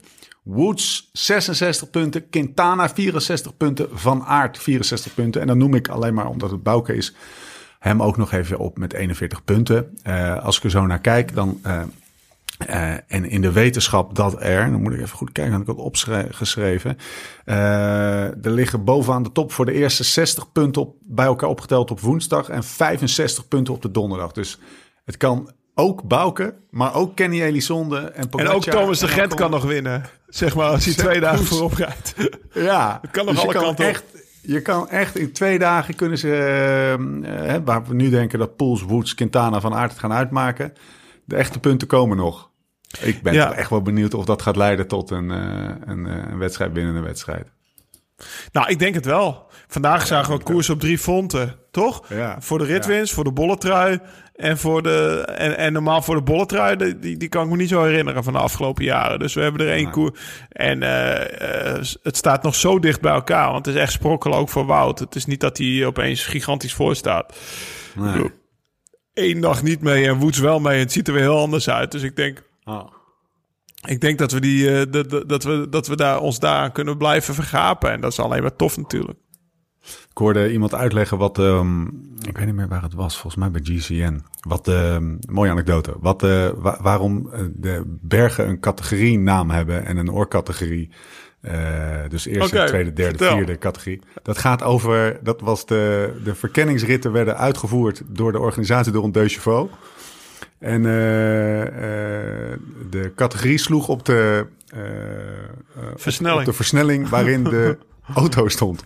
En als je een, een, een klim op in zijn vier kon overrijden in een Deux Chevaux, dan was het de vierde categorie werk. Mooi man. En de Uit de overlevering hoor deze. Wel- Welke versnelling was de oorcategorie dan? Ja, dat weet ik niet. Weet ik niet. Moest je duwen. Moet je duwen, ja. ja. Dat lukt zelfs in zijn één niet, weet je wel. Dat je zo pruttelend boven komt. Ja, duwen. Poetsen. Hey, ehm, even kijken hoor. Eh pup, pup, pup. Zullen we even kijken naar de... ehm, eh, nee, we gaan nog even niet vooruitkijken. Ehm, want ik wil nog even noemen... Je had hem al even genoemd, maar Søren Kragh Andersen inderdaad eh, eruit was gevallen. Ja, dat zat er ook al een beetje aan te komen. Eh Alain Philippe, daar wil ik het over hebben. Ja, ik had hem al in een Sinkeldam corner staan. Ja, zullen we het er meteen even Trekken we direct uit. Jezus man, wat die, dat, die, hoe rijdt die rond joh? Ja, die, die, die, die rijdt een beetje rond. Wat, wat we zeg maar. eh, De flanken van de Van Toe ook zijn. Wat we in het begin van de podcast zeiden. eh, zoals Bouke in de Giro. Dus met alles mee. Iets te veel mee. En Bouke gooide nou ja, de- deze, deze Tour al zijn eieren in twee, twee mandjes. En, en Alaphilippe heeft het al in tien mandjes gegooid, zeg maar. Maar ja, Ja. dan moet je ze toch een beetje verdelen. Dus eh, hij is gewoon eh, zo druistig aan het koersen. Lefevre zei het ook in het nieuwsblad. Dat, eh, dat het uiteindelijk niks wordt. Maar en het heeft volgens Lefevre te maken met... met de trui die hij aan, aan heeft. Dus als wereldkampioen de, de Tour rijden in Frankrijk... en dan ook nog Julien Alaphilippe hetende... Dan, dan krijg je zoveel aandacht. Hebben wij ook gezien, toch, op de Ventoux. Iedereen ziet hem. Iedereen praat naar hem. Ja, volgens mij wil hij... Knipogen, Ja, ja, dus dat, eh, de- ja, volgens mij wil hij gewoon eigenlijk iedere dag voor het peloton uitrijden... zodat, zodat, hij, zodat iedereen hem kan zien... en dat hij zoveel aandacht krijgt. Maar eh, ja, echt efficiënt is het niet natuurlijk. Le of eh, eh, zei wel mooi. Hij zegt, ja, mensen zeggen hij heeft niet de fond van, eh, mooi woord, hij heeft niet de fond van twee jaar terug. Maar hij koerst ook echt anders. Misschien heeft hij die fond wel. Als hij wat eh, berekenender... eh, Ja, ja, ik snap, ik snap heel goed wat, eh wat Lefevre bedoelt. Hetzelfde, ooit, heeft, ooit is Thomas de Gent derde geworden in een Giro. In 2012 uit mijn hoofd. Ja, En ook, je ik weer. heb me altijd verwonderd van, ah gast, probeer het nog een keer, weet je wel. Voor, want, want daarna heeft hij natuurlijk jaren gehad dat hij ontsnappingen tot een goed einde bracht. Dat wij in het peloton echt met, met ogen als schoteltjes zaten van, ja, hoe Ja. is hij hier nou weer voor opgebleven, weet je wel. Maar hij had er gewoon geen zin meer in om, om zichzelf iedere dag uit de kaart te trekken en die risico's te nemen om nooit eh, op achterstand te komen in een sprintrit. Eh, Thomas wilde gewoon zijn eigen ding doen. En eh, ik heb ook eh Alaphilippe over de meet zien komen in 2019 bij de Galibier. Ik heb hem daar naar de dopingcontrole zien wandelen. Ik heb, dat was gewoon een wandelend lijk. Zo klein, zo moe. eh, zo afgepeigerd van al die, al die dagen afzien. Misschien heeft hij daar echt tot aan de meet. Hè? Dat is nog anders dan, dan de voorrijden zoals op de Ventoux. En dan de laatste halve Ventoux lachend oprijden. Dat is toch wel een hele andere mentale en fysieke belasting als, eh, als wat hij toen had. Dus misschien heeft hij daar geen zin in, meer in. Of kan hij zich daar niet meer toe zetten. Maar eh, opvallend is wel dat het, eh, dat het tot nu toe in de Tour buiten de eerste rit... die natuurlijk ook fenomenaal wint, niet uitkomt. Maar de benen heeft hij wel als je de eerste rit zit. Ik denk wel dat hij nu moe aan het worden is van alles wat hij aan da- gedaan heeft. En dat daarom de benen er nu ook minder zijn. Want ook zo'n dag als vandaag, zo'n steile slotklim van 5, komma zoveel kilometer of 6 kilometer. Dat zou eigenlijk moeten liggen. Het is geen klim van een uur. Dus eh, een goede Alaphilippe had hier met de eerste boven gekomen. En die was die afdaling weggereden. ja. Nou, hij heeft wel wat kredieten binnen die ploeg. Dus Ja, eh, zeker. Ze zullen het hem eh, vergeven. Hey, we, gaan, we gaan vooruitblikken. Maar eerst een boodschap van onze vrienden van Futurum Shop. Ben jij al bezig met het plannen van je volgende avontuur? Aan het trainen voor een speciaal evenement? Of heb je gewoon een onbedwingbare behoefte aan spullen? Bij Futurum Shop ben je aan het goede adres. Voor bikepackers, gravelaars, voor mountainbikers en roadies. Het grootste assortiment altijd gratis bezorgd. En voor 11 uur besteld, volgende dag binnen. En neem meteen even een kijkje op futurumshop.nl slash liveslowridefast. Ons eigen hoekje, een soort digitaal schap binnen Futurum Shop. Waarin Lau en ik onze favoriete spulletjes hebben gezet. Van lampjes tot droogvoer, van de beste fietstassen tot sportvoeding. Zeker even checken dus. En als klap op de vuurpijl, luisteraars van de podcast krijgen nu bij bestelling vanaf 75 euro en tot en met 31 juli dat is het eind van de maand, direct 10 euro korting op het hele assortiment. Gebruik hiervoor de code podcast. Ga naar futurumshop.nl slash en gebruik de code podcast voor een mooie korting. Door met de show. Zullen we eens eh, vooruit gaan blikken? Laurens. Ja, ja ik zat meteen... eh, ik zag je me bedenkelijk kijken. Nee, want Ja. ik zit echt te kijken. Ja, ik zie, ik, zie echt, zien, ik zie echt helemaal niks. Ik zie een soort zwarte schim. Nou ja, je had het over Komt omdat je- droogvoer en ik was net aan het inpakken. En ik neem altijd dat Summit Eater mee. Ja. Alleen de pasta bolognese was op, dus ik had twee hele boze jongetjes. dat vinden ze het lekkerst. Ja, moet, moet ik ook eh, een, eh, iets bekennen. Ik ging dus vandaag... Ik was een beetje klusjesdag en ik was een beetje... Je had honger. Ging, nee, ik ging vandaag pas mijn- mijn Diverge uit de tas halen. Gast! Ja, ik heb alleen maar op die Roubaix gereden. Ik was wel even klaar met die klote gravelbike. Nee. Hij is Ik had gebroken. nog, eh, ik- nee, nee, nee, nee. nee. Ik, had, ik heb hem vandaag weer in elkaar gezet en zo. Maar toen kwam ik dus een hele lading Summit to Eat tegen. Pas- Echt toch vijf, zes van die dingen. Mijn en dat pasta was gewoon een cadeautje, jongen. En daar zat ook pasta bolognese bij. Ja, ja. En scrambled eggs, mijn even. Shit, man. Dus eh, nee, ik moet Hossel even, eh, Hossel of, eh, of even zelf bij Futurum bestellen. Want kijk, als wij, als wij gaan wandelen, dan het leek me Ja. wel leuk om in plaats van een stokbrood bovenop zo'n berg gewoon even zo'n jetball aan te gooien en dan, Ja, man. en dan dat te maken voor ze, weet je, als beloning. Dus Maar het is ook gewoon... Ja, het klinkt een beetje als zo'n promopraatje. Maar het is echt lekker, hè? Ja, nou ja, kijk, eh, Vertel even wat het is. Vertel even wat Nou het ja, is. het is gewoon van dat, eh, van het voer wat bergwandelaars eh, eten, zeg maar. Als ze, als ze drie dagen de rimboe ingaan en dan, eh, eh, en dan een rugzak volstoppen. Het mag natuurlijk niet te zwaar zijn. En, en, en, dus dan, dan is het van dat gedroogde voer. Dus waar je eigenlijk alleen maar kokend water bij doet. En acht minuten later heb je, tada, eten. Weet Ja. je. Het is in eh, zo'n soort metalen, metalen zakje Ja. waar je dan tot de rand... eh, Ja, dus kan je ook uit het zakje bij. eten. Heb je alleen een spork nodig. Alleen, Ja. eh, en Hossel dacht natuurlijk dat in Kenia niks te eten was. Die, had Die dacht, eh, die, die dacht, wij gaan echt gigantisch aan de scheid raken. En komen half dood, terug- half dood en, en, en alles moeilijk en lastig daar. Dus die had eh, volgens mij voor, voor, voor zeven dagen ontbijt, lunch en avondeten voor ons ingepakt. Van alle, dus je kan, ja, je, kan, je, kan, je hebt ook toetjes, en je hebt eh, havermout en eh, je hebt eh, Indiaanse curry's. Dus niet alleen maar pasta bolognese. Dus ja, wij konden natuurlijk wel iedere dag een beetje, eh, beetje uitzoeken wat we nu weer gingen eten. Zeg maar voor de Kip lunch. tiki-taka. Ja. Nou, in ieder geval, mijn pasta bolognese is op. Dus Oh ja, nou, ik heb nog wel... Boze jongetjes. Ehm, even kijken hoor. Ehm, morgen rustdag. Het is vandaag zondagavond. Eh, ondertussen is er misschien wel een ploeg eh, Europees kampioen geworden. Maar ja, dat is voetbal, dus dat doet er niet toe. Staat morgen 1-0. rustdag, maandag. Is dat 1-0? Voor? Engeland. Engeland. Oh, dat vind ik eigenlijk wel tof. Ehm, aanvallersrit. Eh, op, ehm, op dinsdag. Dan krijg je woensdag en donderdag de twee eh, ritten waar de, waar de bolletrui eh, beslecht gaat worden. En, en misschien ook wel de Tour. Eh Peresourde, Valouron, Portet d'Aspet. Ja, dat is hem wel, hè? Die rit van woensdag. De Portet d'Aspet. Ja, dat is, je bedoelt, dat is die van, van Fabio, hè? Castelli. Ja. Eh, Eh, wat zeg ik, zeg ik het nou goed? dat, Nou, is, dat is een andere, volgens mij. De, Is het niet Col? ja, het is niet, Col d'Aspet. Fa- Portet d'Aspet is eigenlijk... nou, Portet, nee, het is Col de Portet is het ja, volgens mij. ja, precies. Want je raakt snel Dat in de war. En dat Ja. zijn wij nu dus ook. Want die Portet d'Aspet Ja. is helemaal niet zo'n lastige klim. Maar die Nee. Col Portet, dat is echt eh, een motherfucker. Laten we het zo zeggen. Ja. Dus... dus ik was ook in de war. Maar eh, 16 kilometer, Ja.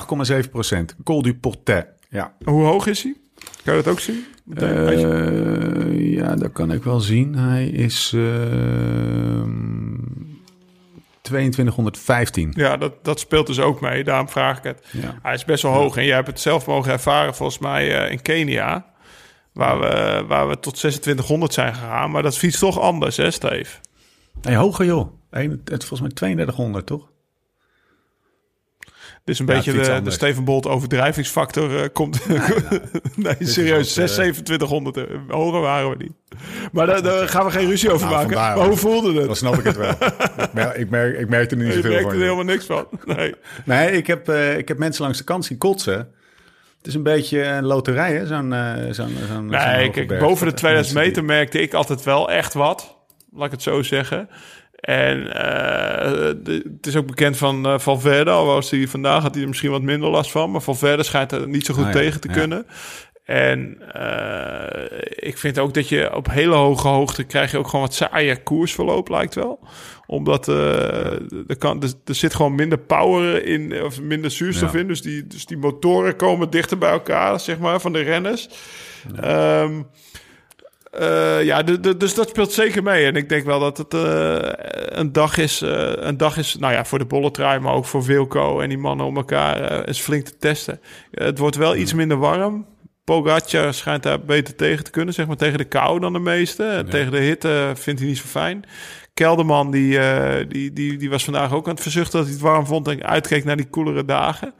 Dat, dat kan misschien ook weer een factor zijn. Eh, ja, we gaan het zien. Ik ben onwijs benieuwd. Ik vind het tot nu toe best wel een vette tour. Iedere dag ook weer, weer zoals gisteren met Mollema deze week. De Van Tour, de, de Van Tour rit die we hebben gehad eh, op woensdag. Kev die, eh, Kev die als een malle aan het, aan het rondsprinten is. En dan die, die gele rakker die er vijf minuten voor rijdt. Ik, vind, ik, vind, ik ben aan het genieten en ik hoop nog een weekje te genieten. Ja, het is 14, eh, woensdag is 14 juli ook, hè? Dus misschien dat er 14 wel, juli, eh, ja. een Fransman... eh, En het is een keer dat er, dat er een sprinter niet alleen eh, de hele Tour in blijft... voor alleen dat ritje naar Parijs. Want volgens mij is er vrijdag ook wel een kans op, eh, op een sprint. Ja, klopt, ja. Naar eh Libourne, eh 207 kilometer. Nog Vond ik altijd zo lullig. Dat ze de laatste, weet je, maandag rustdag... dinsdag, woensdag, donderdag eh, bergritten, zeg maar. En dan vrijdag... Vrijdag vaak nog een heuvelrit of zo. En dan zaterdag, eh, zaterdag eh, tijdrit, zondag. eh. of dan hadden ze vaak vrijdag een dinsdag, woensdag door bergrit. En dan vrijdag een tijdrit. En dan zaterdag nog de Planche de Belleville. Weet je, of de Mont Ventoux. Of, eh, het is nu echt dat ze twee kansen hebben. Dus Kees die, die is niet zeg maar alleen voor Parijs tot Parijs gereden. Nee, het is zoals gezegd woensdag en donderdag. Donderdag gaan ze nog over, we gaan een beetje kriskras doorheen. Luzardidin, Tourmalet. Eh is er eigenlijk een, vroeg me af, die hebben we wel vaker gereden. Ik heb hem alleen maar vanuit de Lucens Saveur gereden. Maar zijn er ook twee, zoals je bij de Mont Ventoux ook Oh twee ja, kanten nee. op Tourmalet hebt. Heb je ook een moeilijke en een makkelijke kant? Werkt Eh, nee, dat niet. Maar je hebt dus de Sant Marie de Campan kant. En dan die Louis Saint-Sauveur kant. Ja, Eh, ze zijn allebei gewoon eh, heel lang, heel zwaar. ja. En Ja. volgens mij zijn ze gewoon een uur aan het klimmen. En eh, die Luce die Denklim ben ik eerlijk gezegd nog nooit opgereden. Maar dat is wel altijd de klim die ik me herinner als, als kleine jongen. Volgens mij eh, won Greg LeMond daar een keer de Tour en won toen Miguel Indurain zijn eerste rit. Dus die Ja. LeMond die reed 15 tanden zwaarder dan Miguel. En eh, Miguel die, eh, die won het sprintje van hem. Dat, was, dat is een van mijn eerste tourherinneringen. Ik herinner me ook als de klim waar Armstrong achter dat... Ding bleef was een hangen. mooie tour trouwens. Ja. Achter dat, dat tasje bleef hangen. Van die, en met Ulrich in zijn Bianchi-shirt. Jeetje. Dat is lang geleden. Wanneer is dat? 2003. 2002, 2003. Oké, eh, en dan zaterdag de tijdrit naar eh Saint-Emilion. Nou, dan gaan we jou... eh, weet je wel waar je gaat staan? Dan kunnen we je in de Nee, gaten nee. houden. Weet ik echt niet. Ik ga 30 gewoon ergens kilometer. een stil plekje zoeken. Bochtrijk en technisch. Ja, ik ga, we, we gaan, ik ga, ik ga er al, al donderdag zijn, denk ik. Dus ik ga hem voor je verkennen. Tussentijden in Pomerol en Montagne. Ja, joh, dat is fantastisch, man. Ik heb, die, ik heb het rondeboek natuurlijk bekeken toen wij in die tourauto zaten eh, van staf. Ja. En eh, toen zag ik al dat het tussenpunt bij Pomerol was. Ja, dan dacht ik, godverdomme, beter wordt het niet, hoor. Daar moet je gaan staan, man. Daar, ja, tuurlijk. En dan, eh, dan een fles Pomerol opentrekken en daar de hele dag Ja. een beetje aan nippen. En dan tussendoor een, eh, je roes uitslapen ergens onder een boom als zeg maar eh Kev geweest is. Dan, eh, dan kan je eerst even een uur slapen voordat je weer een keer wakker wil worden, zeg maar. Dus ja, echt zin in. Transistor radiootje Ja, erbij. precies. Tof, man. Ehm Pogacar in Parijs, in het geel. Ja, Of eh, moeten we ja, nog nou ja, dingen verwachten? eh, je weet het natuurlijk nooit zo. Maar, maar ik denk dat eh, ik, ik heb de odds niet, beke- niet durven bekeken, bekijken. Want ik ging er toch niet op inzetten dat hij het niet zou worden, zeg maar. Want volgens mij staat Nee. hij eh 1 op 1,1 voor de winst. Dus nee, dat is natuurlijk de grote favoriet. Maar ja, zeg nooit nooit. Ik ben benieuwd hoe ze ploeg het houdt de komende dagen. Vandaag vond ik ze wat minder. Ja, Jumbo-Visma zijn wel behoorlijk in orde in ieder geval. Dus dat moet, eh, moet ze vertrouwen geven. Ja, en Jonas zelf ook, hè, hij viel nog aan. Zo. Dus Ja. eh, nou ja, dat is echt wel eh, een openbaring deze Tour. Zoals die jongen zich manifesteert. Ze hebben Ja. met en hem en met Tobias Vos... toch ook alweer twee mannen die eraan aan het komen zijn voor het klassement. En dan heb je dus die drie dertigers, eh Kruiswijk, Roglic en, eh, en, en Tom Dumoulin. Dan, eh, dan is de opvolging alweer, eh staat alweer te trappelen, zeg maar. Staat alweer klaar. Ja, ja doen ze goed. We gaan, eh, we gaan afsluiten, Lau. Eh, door te zeggen dat, eh, dat je vooral even naar wijnvoordeel.nl slash live ride fast moet gaan. Alleen te bestellen voor podcastluisteraars met de code TOUR. Check ook, en blijf anders even hangen naar JW Roy. het, voor het, de audioversie van de Best Day on the Bike van Sepp Koes. Die kan je ook op, op YouTube checken. Sinkeldam Corner. Nou, alle Philippe iets? hebben we eruit gehaald. Voor de rest heb ik er niks in staan. Dus eh, helemaal netjes. Ehm Futurumshop.nl slash. Gaat dat checken. Hebben we nog andere websites waar mensen mee moeten? lsrf.cc. Nou, volgens mij hebben ze dan een rondje wel, eh, wel, eh, wel gehad. We gaan, eh, we gaan een paar spannende, eh, om meerdere redenen, eh, maar vooral leuke laatste toerdagen in de Tour van 2021. Ik vind het toch altijd wel weer een beetje jammer als het al langzaam... Ja, bedoel, het is, het is zondag, hè, dus we hebben nog een hele week, maar... Als Na twee weken is. slijt, slijt zo'n tour een beetje in je dagritme. Ja, hè? En als het er echt precies helemaal in zit, ik vind, ik vind die maandag. Je hoeft je ook niet meer te verantwoorden thuis, toch? vind ik Als je de tv aanzet. Nee, Nee, zo van ja, ik ben er Werk. toe aan het kijken. Logisch toch? Ja, Dat doe ik in de vakantie. ja, tussen het snoeien door. Ja, en Ja, ik had vandaag een topdag hoor. Ik had drie uur getraind s ochtends. Toen hadden we geluncht met een restje van die rosé uit de kopgroepdoos. Ja, Die X. En, Ja, eh, triple X. Ja, en toen, ja, die triple X. En eh, daarna, daarna Tour aan, weet je wel. Een klein tukkie. En toen de finale gezien. Ja, beter wordt het niet, toch? ja. Ja, dat is top. top. Ja, Eve heeft ook vakantie hier, dus het is misschien het is meteen helemaal... Zitten helemaal in vakantiesfeer. We gaan pas over twee weken weg. Oh, Even lekker twee dagen eh, of eh, twee weken rustig gaan. Als we dat land binnen mogen. Nou, eh, we dwalen af. Ehm, we zijn er doorheen. Tot de volgende keer. Hoe dan ook en waar dan ook. En voor de tussentijd. Live slow, ride fast.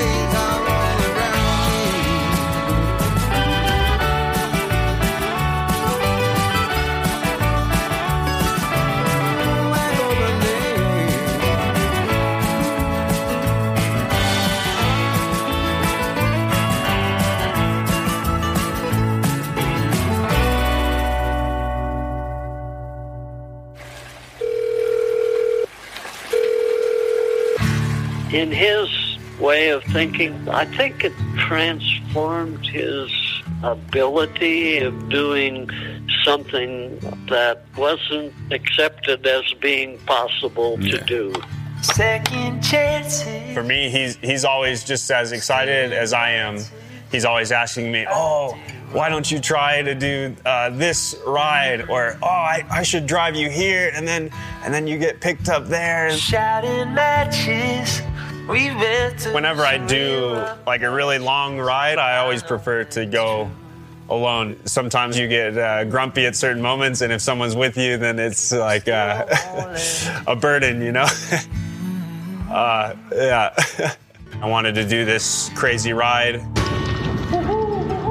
that started in Mancos, Colorado, and then I would finish just a bit north of Durango and have my, my dad pick me up. I feel a change. But it was one of those days where you you you you wake up and you're so excited to, to do the the adventure that you say, okay, I, I have to go because if I don't do the ride today, I'm going to be really disappointed. I got maybe an hour in, and I started just on a on a dirt road before getting to any single track. But then all of a sudden, I had a a slice in my tire, and it was tubeless, so ideally it would seal, but it just wasn't sealing. So I thought, oh shit, the you know already first hour and and things are going wrong.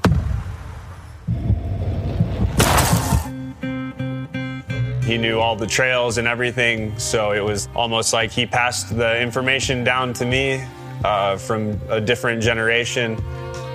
There were trails that were not frequently traveled and certainly not by mountain bikes. He wasn't worried that I was alone or anything like that out in the woods. It was just uh, he knew I would I would uh, make it out all right. I was uh, amazed that he completed the entire journey with uh, an incredible smile that he always has. I was I was just so committed on on the ride that I said, okay, I don't care what happens. I, I need to keep going.